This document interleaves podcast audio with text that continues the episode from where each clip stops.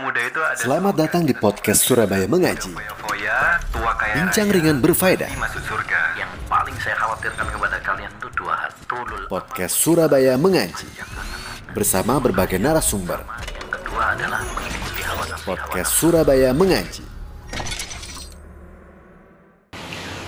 Bismillah, Assalamualaikum warahmatullahi wabarakatuh. Alhamdulillah, wassalatu wassalamu ala rasulillah. Teman-teman sekalian, Masya Allah Kita kembali lagi di serial podcast Surabaya Mengaji Yang mana di podcast ini kita akan membicarakan berkaitan dengan seputar topik-topik menarik seputar agama dan juga keseharian kita Bersama guru kita di episode kali ini yaitu Ustadz Abu Ubaidah Sediawi. Assalamualaikum Ustadz. Waalaikumsalam warahmatullahi wabarakatuh. Insya Allah, sehat Ustadz ya? Alhamdulillah, masya Allah. Baik, eh, di episode kali ini kita spesial Ustaz.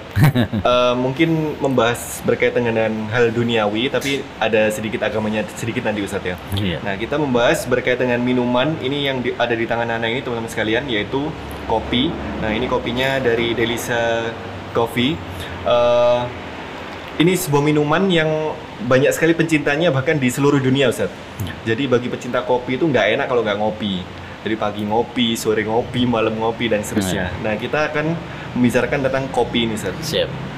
Eh, jika ditinjau dari agama kita, minuman ini termasuk minuman yang halal atau haram Ustaz?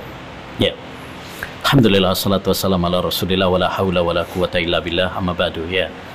Eh, Islam ini kan agama yang Masya Allah luar biasa ya. Agama yang sempurna. Al-yawma akmaltu lakum dinakum.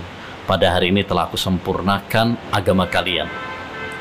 Jadi semua permasalahan itu pasti sudah dijelaskan dalam agama kita. Tidak ada satu permasalahan pun kecuali ada jawabannya dalam agama kita.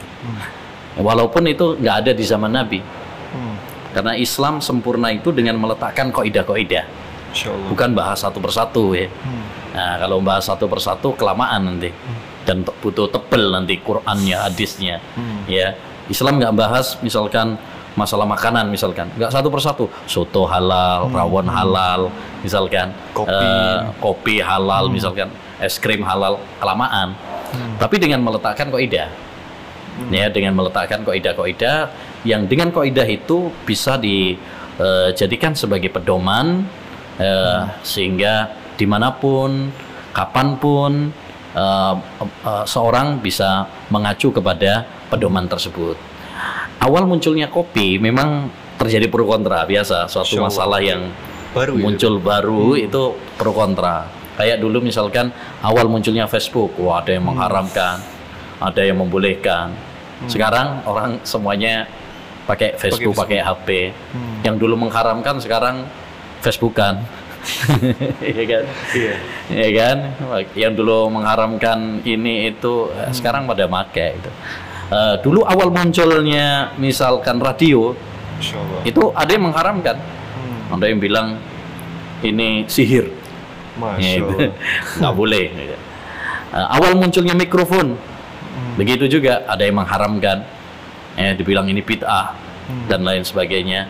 Tapi sekarang eh, hampir bisa dikatakan ijma bahwa itu adalah diperbolehkan pun demikian dengan kopi, Kopi awal munculnya itu memang terjadi pro kontra Hmm. ada yang mengharamkan karena dianggap memabukkan Hmm. ya kan ada sisinya juga sih Iya, iya. makanya orang kadang kalau yang pecinta kopi itu kadang aduh kepalaku ngeluh ya kalau nggak Ngopi. ngopi, Hmm. ya itu makanya sebagian ulama dulu awal munculnya kopi memasukkan itu dalam homer Hmm. karena dianggap memabukkan Hmm. type kemudian ada ulama juga yang membolehkan Hmm. di antaranya adalah Syekh Abdul Qadir Al-Jazuri. Dia menulis buku bantahan kepada yang mengharamkan tadi Hmm. Umdatus Sofa fi Hillil Qahwa. Pendapat yang dipegang tentang halalnya kopi. Masya Allah. Ya.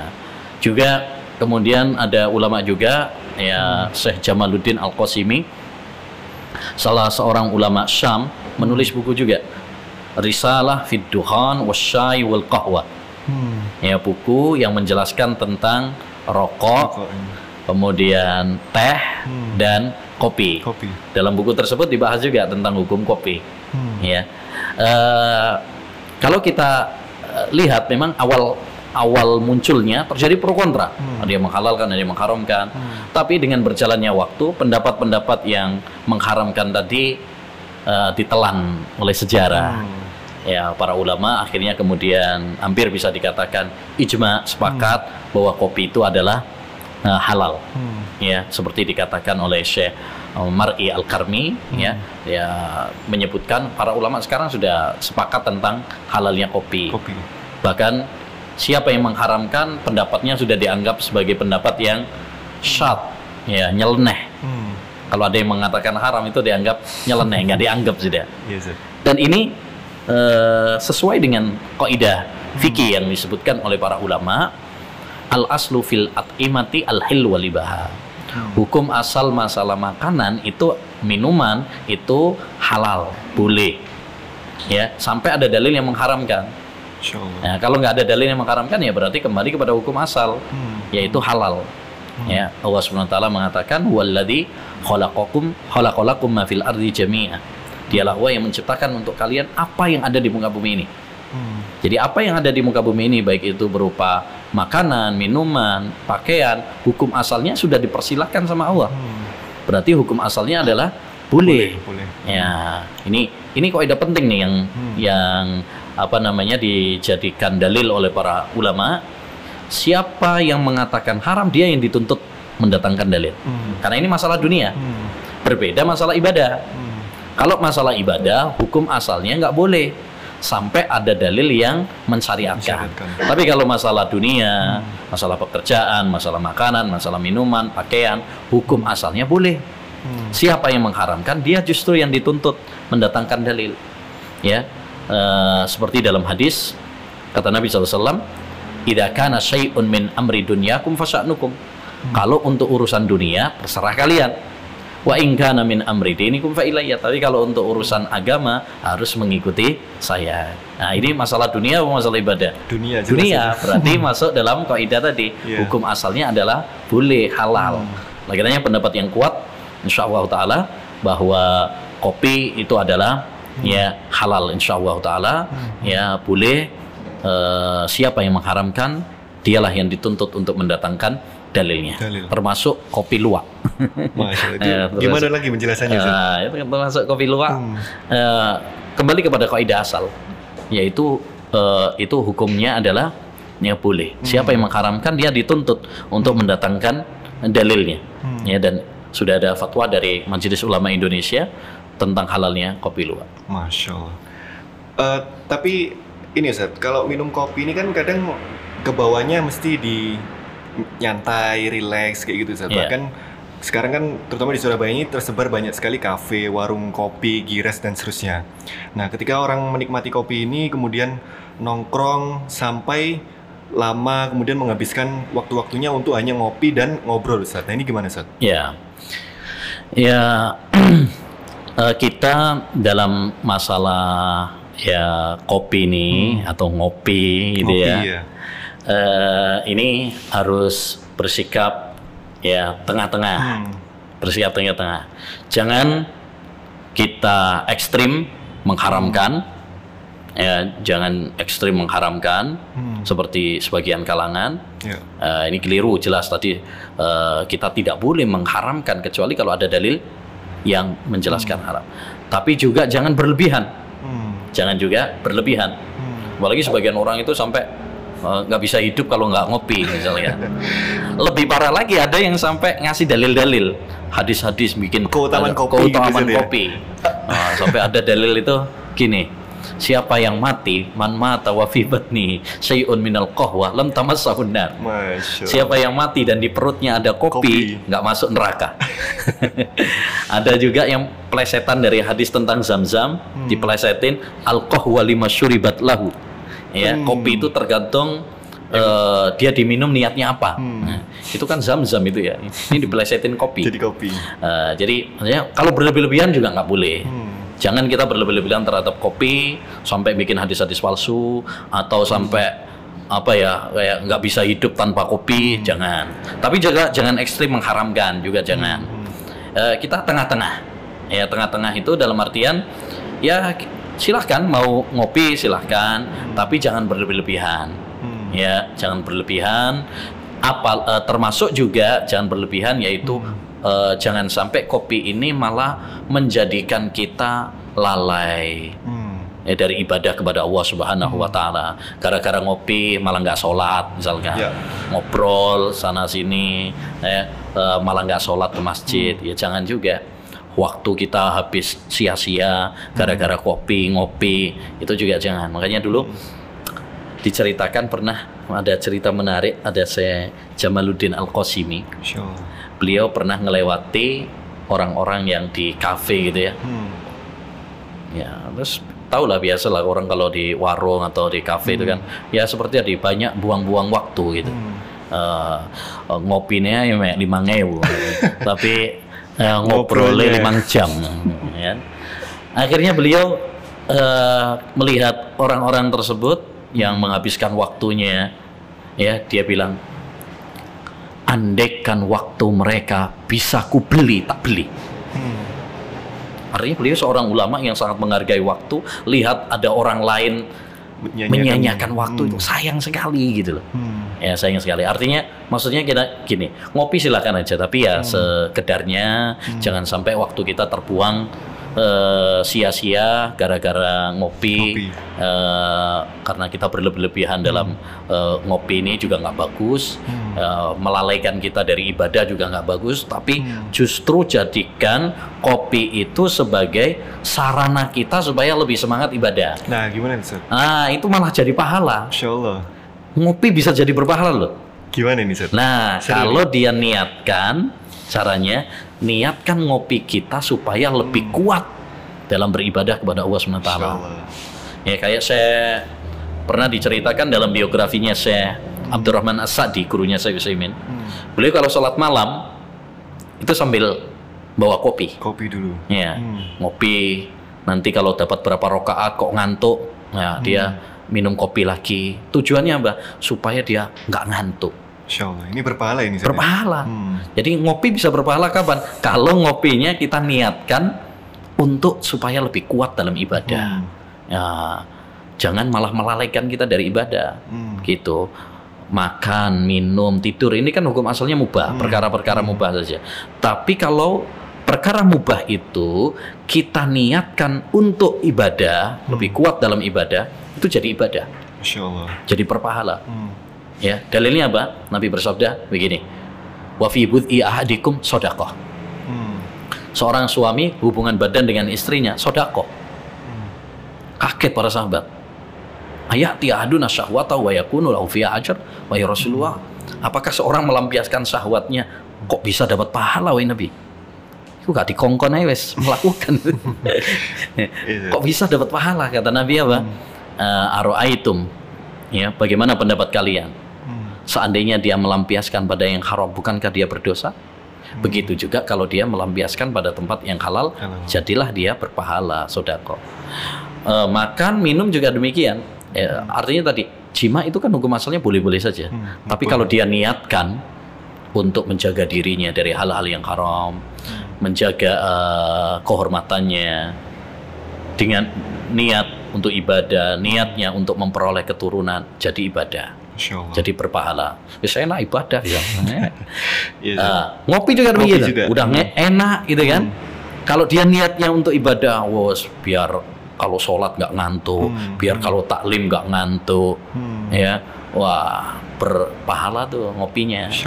Tapi kalau ya kita ngopi, tapi justru malah melalaikan kita dari akhirat, ya Hmm. malah banyak hibah, namimah. Karena biasanya orang ngopi ngerumpi pada Hmm. Nah, pembahasannya ya, hibah pemane itu karo karo ngopi terus karo rokokan, di diseruput-seruput dikasih ampasnya, Ampasnya, iya.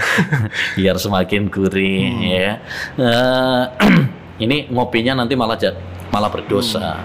Makanya eh, jadikan ngopi ini semakin mendekatkan kita kepada Allah, jangan malah menjauhkan kita dan melalaikan kita dari Allah. Gitu. Masya Allah.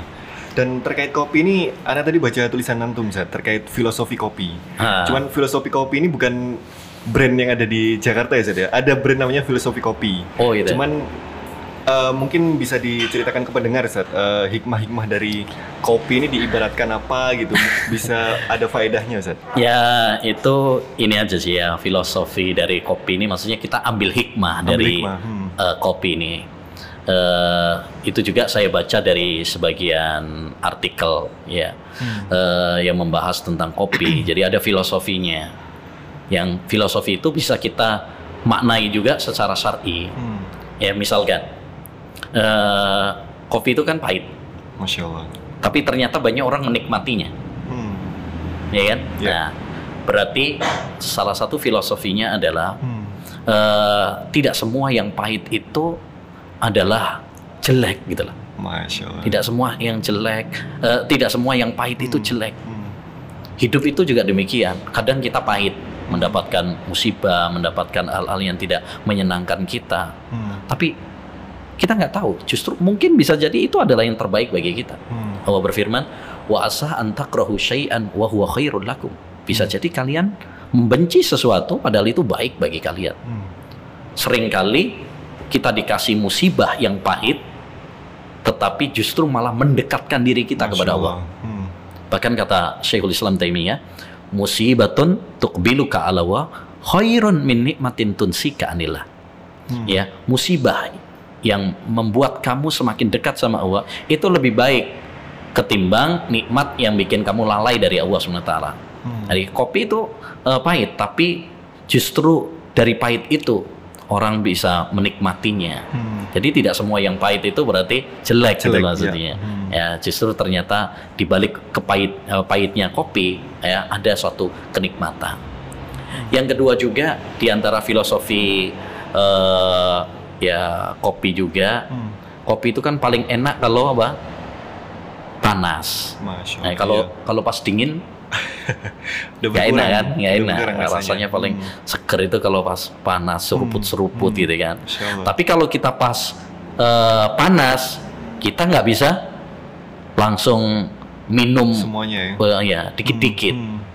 ya kalau langsung semuanya nyonyor ini bibi ya ya kan Iya, nah itu hikmahnya apa Eh, kita pun demikian dalam hidup ini Hmm. harus pelan-pelan bertahap makanya dalam Islam juga kita diajarkan untuk arif kewalin Hmm. eh, eh, pelan-pelan ya Hmm. al-ana hati-hati terutama misalkan sekarang kita hidup di zaman media sosial Hmm. banyak berita-berita ya jangan langsung tergesa-gesa nyebarkan men-share karena belum tentu benar.